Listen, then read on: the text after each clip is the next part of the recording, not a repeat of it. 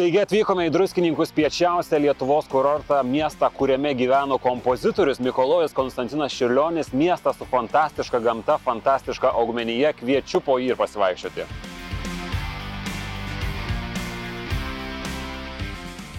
Taigi šiuo metu esame druskininkuose, ne kur kitur, o būtent druskininkuose ir apie šį miestą šiandien mums papasakos vietos turizmo informacijos vadybininkas Nerijus Gudaitis. Sveiki, Nerijo. Taip, sveiki. Jeigu reikėtų apibūdinti druskininkus labai trumpai, maksimaliai trumpai, kokie jie būtų ir kaip jūs tai padarytumėt? Tai vienas nuostabiausių Lietuvos kurortų, piečiausias Lietuvos kurortas. Ir jeigu dar trumpiau, tai sunku pasakyti, ar tai miestas miške ar miškas mieste prieš e, šitą laidą sakėt, kad jums druskininkai yra antras gražiausias kraštas Lietuvoje. E, kodėl dar pagilinant tą mintį ir kas yra pirmas? Mano kaltė. Pirmas man vis dėlto gražiausias būtų Neringa ir Nida, bet ten žinokit, nu, ten jau kaip atskira respublika, kaip, kaip, kaip atskira planeta vos ne. Kadangi gyventi reikia su šeima e, žemynė, tai vienas geriausių vietų, viena geriausių vietų Lietuvoje gyvens šeimoje yra druskininkai. Jūs pats dirbat e, turizmo centre, ar ne? Jūs praktiškai reguliuoja tuos turistinius strautus, kurių čia vasarą pačiu sezono piku tikrai yra nemažai, ar ne? Uh, kokie tie žmonės turistai atvyksta? Jie yra smalsus, ar jie žingeidus, ar jie nori suprasti druskininkus ir pajusti juos? Be abejo, smalsus. Daugiausiai atvyksta šeimos, šeimos su vaikais. Tai vat tokiom šeimom druskininkose veikti yra visos galimybės, nes e, jeigu, taip sakykime, sulyginti su palanga, kur važiuoja daug labai jaunimo, jis energingas, aktyvus, naktį mėgsta e, visokias veiklas daryti, o druskininkai toks, sakykime, ramesnis kurortas, e, šeimom čia labai saugu jos tą visada vertina. Sakykime, atvažiuoja šeima iš didesnio miesto, nori tos ramybės, nori tos jaukumo oazės, nuo kur siūlytumėt pradėti, ar ne, nebūtinai šeima, bet, nu, turistas važiuoja, nuo kur siūlytumėt pradėti pažintį su iš to miesto? Pažinti su miestu visų geriausia yra pradėti gydyklų parke. Iš esmės tai ir tikrai ir jau nuo istorinių laikų tai yra miesto širdis. Nuo ten ir prasidėjo kurorto visa e, visas gyvenimas. Gydyklų parke e, yra ne tik e, šiai dienai atkurta istoriniai pasivaikščiimo takeliai, šiai dienai veikia ir muzikinis ten fontanas, yra grožio šaltinis, vienas iš suriausių Lietuvoje mineralinio vandens šaltinių ir giliausių. Surumas jo yra tikrai neįtikėtinas, aš visiems rekomenduoju bent paragauti, gerti nerekomenduoju, bent paragauti, ant kiek tai surus yra vanduo. Jeigu įsivaizduot, tai daugiau nei dvigubai suresnis nei kad Baltijos jūroje. Dabar tie patys mineralinio vandens šaltiniai yra e, druskininkose atsiradę viena iš e, tokių hipotezių, aišku, atmetus gražias legendas, viena iš tokių mokslininkų hipotezių, tai senais labai istoriniais laikais kritęs e, meteoritas į šalia esančią, šiuo metu esančią Mizarų gyvenvietę ir tas meteoritas po kritimo paliko didžiulį kraterį. Tai mineralinio vandens šaltinius po to kritimo turim druskininkose, o mizaruose šiai dienai galite apžiūrėti veikianti vandens malūną. Jūs e, užsiminėte apie mineralinius vandenis, mes taip pat e, kalbinome prieš tai ir Birštono žmonės, kurie labai gyrė savo miestą ir sako, čia mūsų mineralinis vanduo, o čia geriausias. Tai kuris geriausias? Aš dabar klausau dviejų nuomonių. Jūs matot, birštoną kalbinat ir kalbinate dabar druskininkus, nu tai aš tai, man tai klausimų nebelieka, koks čia vanduo geriausias Lietuvoje, mineralinis, aišku, pas mus. Tai šią dieną, sakykime, jų prašiausias, o jūsų geriausias. Aš nežinau, koks jų, bet mūsų geriausias. Kur dar atrast ramybės oazę druskininkuose? Toliau traukiant šiek tiek. Pasivaikščiot po patį miestą, pamatyti tas žymybės, pavyzdžiui, mano minėtas gydyklų parkas yra taip pat šalia tokį labai nuostabų turi lenktą tiltelį per atničėlę. Ratničėlės ir Nemono santaka, tas tiltelis ir labai graži Ratničėlės skulptūra prie to tiltelio yra. Toliau, jeigu judėsime e, po miestą vaikščiodami, tai galėtume aplankyti cerkvę.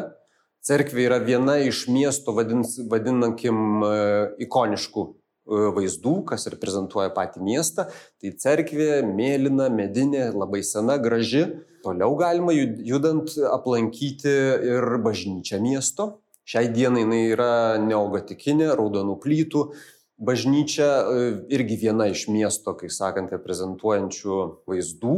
Toj bažnyčio beje norėčiau paminėti, kad yra toks dar ne visai gerai Lietuvoje žinomas reikalas, tai yra saugojama autentiška Švento Valentino relikvija. Taip, taip, to pačio, kuris globoja įsimylėjėlius. Taip, kad e, turim tokį vad nuostabų daiktą pas save druskininkose taip pat šeimom aktualu. Toliau galime vaikščiant užsukti ir pamatyti, pasivaikščioti vilą linksmą. Vėlgi tas va baltas gražus pastatas šiai dienai tai yra miesto muziejus. Užeiti vidų, taip pat susipažinti su kurorto istorija, o visai netoliese yra Čiurlionio E, memorialinis muziejus, tai yra jo gyvenamoji jaunystės vieta, jo sodyba ir namelis. Šiai dienai, kaip sakiau, ten yra muziejus, bet Čiurlionis tenais gyvendamas savo atminimuose druskininkus prisimena, aišku, labai šiltai, pamini ir kitoj druskonio ežero pusėje augančias senas pušis, ir senasias kapines. Pačias kapines aš jau vėlgi irgi siūlyčiau aplankyti, nes jos tikrai senos įdomios vien tuom, kad yra stačiatikių sektorius ir yra katalikų sektorius. Ten guli nemažai e, žmonių, kurie nusipelnė kurorto e, kūrime. Ir kai jau pasivaikščiot prie tų kapinių, būtinai užsukite Vijunėlės penkinio parką. Šiai dienai ten yra dabar filmuojama laida pavasarį, tai ten šiuo metu geltonuoja Narcizų jūra nuostabi, taip pat yra Sakurų alėja, o vasarą galite pasinaudoti prie Vijūnėlės tvenkinio esančių paplūdimių. Tai viena iš tokių stiprių traukos vietų kurorto gyvenime. Aš šiek tiek dar norėčiau sugrįžti prie Mikalojos Konstantino Čiurlionio sodybos. Tai yra unikali vieta su unikalia istorija. Iš tikrųjų, kiek ilgai e, kompozitorius čia gyveno druskininkuose ir kokį apskritai Mm, vaidmenį šitas miestas suvaidino jo, jo istorijoje. Kaip žinia, pats kompozitorius gimė ne druskininkose, čia jisai atvažiavo, tiksliau gal buvo atvežtas savo tėvo, nes tėvas buvo vargonininkas, jisai keliavo po, po įvairias bažnyčias, matyt, kur gaudavo užsakymą. Ir savo jaunystę pats Mikalojus Konstantinas praleido būtent druskininkose. Įtaka, manau, neperdedant galim pasakyti, kad miestas jo gyvenime turėjo lemiamą. Miestas pats, kurortas ir ypač jį kurortą supanti gamta. Pušynai, Raigardo legendinis slėnis, Švendubrė, Velnio akmuo. Visa tai turėjo be galo didelę įtaką pačio e, kompozitoriaus skonio pajūtimui. Jis pats ten vaikščiojo ir mėgavo tas vietas? Taip, taip, taip. Ir atminimuose išlikę nemažai fragmentų, kad e, pats Konstantinas, būdamas gan jautrios tokios natūros, nu kaip ir visi menininkai turbūt, e, dažnai klajodavo po miškus ši čia esančius aplink druskininkus plytinčius pušynus, tiesiog bandydamas matyti, įsiklausyti į pušų ošimą. Iš to ir turim nuostabius muzikinius kūrinius. Jūs paminėjote Švendubrę toks keistas, įdomus pavadinimas. Asmeniškai aš labai minimaliai girdėjęs esu apie šitą vietą. Ar jūs galite įsiplėsti ir papasakoti plačiau apie tai? Švendubrė tai senas gatvinis kaimas ir būtent gatvinis turėtų sudominti kiekvieną atvykusį. Nes e, jeigu ta pagrindinė gatvė, kurią atvykstam dar tokia, sakykime, tradicinė Lietuvos gyvenvietėm ir miesteliam, tai šiek tiek giliau prasideda tikrai įdomus dalykai. Atkreipkite dėmesį į gatvių išplanavimą ir pačių sodybų išsidėstymą. Pati Švendubrė e, taip pat yra, sakykime, tokioj mistiniai vietoj. E, jeigu žiūrėsime į dabartinį Lietuvo žemėlapį, tai yra gan atkampi vietovė. Tai turėtų priduoti tokį stiproką mistinę atspalvį, nes yra šalia Raigardo slėnis su garsiuoju nuskendusiu miestu, kurio gyventojai neklausė Dievo ar kažkokios kitos buvo nuodėmės ir buvo pradanginti pekloj.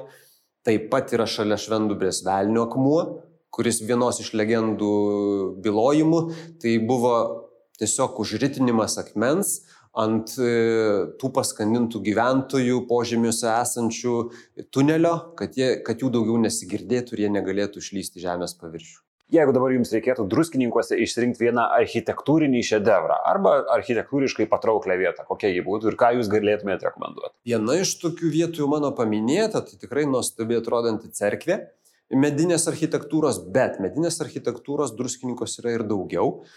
Ką vertėtų pasivaikščioti po miestą, aplankyti, kaip pavyzdžiui, draugystės šiandieniniai sanatorijai esantį medinės sanatorijos kompleksą arba Krevės gatvėje dar išlikusias senasias medinės architektūros pavyzdžius, vilas. Kur galima druskininkose toliau patraukti? Toliau galima pasukti link buvusios senosios geležinkelio stoties. Jis kurta buvo tarpu kariu, dar Lenkų valdymo laikais ir kaip legenda byloja, tais laikais buvo nuspręsta palengvinti jų legendinės asmenybės maršalo Juzefo Pilsudskio atvykimą į kurortą. Beje, maršalas kurortą labai mėgo Ir pačiam kurortui tai buvo tik tai nauda. Visa infrastruktūra labai buvo išpuoselėta ir buvo nutiestas geležinkelio atšakos e, tam tikras e, atkarpa, kuri tik tai dar daugiau atvežė tų klientų į kurortą. Tai dabar toj geležinkelio stoti, kuri dėja buvo panaikinta, prarado savo prasme jau paskelbus nepriklausomybę, dėl ko prarado. Kaip egzotika tokia būtų gal ir visai nieko kelionė, sakykime, iš Vilniaus, bet šiai dienai tai būtų keturių valandų kelionė su dviem kartais kirsti tektų ES sieną. Taip kad vieną kartą gal žmogus atvažiuotų, daugiau tai kažin ar jisai norėtų. Graži, graži traukinių jūsų stotis. Dabar ypač graži, nes ten įsikūręs yra turizmo informacijos centras šiai dienai ir šalia įkurtas kempingas. Nes aš noriu pasigirti, aš kilęs iš Marijampolės ir Marijampolės traukinių stotis yra pripažinta gražiausia Lietuvoje. Na gerai, o mūsų muzikinis fontanas yra pripažintas pats gražiausias visoje Lietuvoje. Na gerai, jau mes fontano tokio neturim, tai čia jau pliusas jums. Gerai. Kur toliau trauksim? Toliau aplankę stoti, pasižiūrėję, kaip tai galėjo viskas atrodyti kitoj gatvės pusėje kaip tik rasim garsų Dineikos parką. Garsus jisai buvo ne, jau ne tik sovietmečių, o dar tais pačiais Lenkų valdymo laikais. Pati Eugenija Leviska, kai kūrė šitą parką, jis buvo labai toksai, na, didelį šurmulį visuomeniai sukėlė, nes tai buvo nuogas kūnas, e, tarp, rodomas kitiems žmonėms ir atvira morė buvo daroma mankšta, kas pačiai sveikatos, e, sveik, sveikatinimo patiems tikslams buvo be galo naudinga, tačiau tais laikais nuogą kūną rodyti dar buvo labai ir labai drąsu. Antras pasaulinis karas nutraukė šito nuostabaus parko įkurto Eugenijos Leviskos veiklą ir visą tai atsigavo tik tai Karoliui Dineikai apsilankius druskininkose ir kažkuria prasme atkūrus buvusias parko veiklas sveikatinimo. Tai Dineika išplėtė tas veiklas, jas pritaikė tuo, e, tuo laikiniam pacientui ir šiai dienai turim tą parką vadinamą mūsų iškilaus e, dar, žmogaus Karolio Dineikos vardu. Šiai dienai pačiam parke galima e, atlikti taip pat fizinius pratimus, yra treniruoklė atvira morė ir pasimėgauti kaskadinėmis maudyklėmis. O kaip druskininkiečiai žiūrėjo visą šitą reikalą, kadangi tu sakot, kad tabu tuo metu buvo? Taip, tai buvo tabu. Jeigu grįžtam prie Eugenijos Leviskos, patys druskininkiečiai, kaip ir matyt, gal taip spėliočiau šiai dienai, patys žmonės, kurie čia gyvena, tai jie dirba sanatorijose kaip darbuotojai. Taip, kad į atvykusius mes žiūrim labai palankiai, bet žinom, kad jie yra nevietiniai ir jie tiesiog Norim, kad jų daugiau atvažiuotų. Tas Eugenijos Leviskos parkas, kad tą šurmuliuką sukėlęs, tai turėkime omeny, kad turbūt nėra blogos reklamos, e, yra tik tai, kai blogiausia, kai nėra reklamos. Čia druskininkų šūkis gali būti toks iš karto. Kur toliau trauktumėm mūsų maršrute? Pasimėgavus to maudyklėm, kaskadinėm, e, aplankyti druskininkų jau apylinkės. Tas apylinkės galima aplankyti be abejo automobiliu, bet ir šiaip rekomenduočiau naudotis dviračiais Mes turim virš 60 km nuostabių pušynais besidrekiančių ir pačių miestų bevinguriuojančių dviračių takų.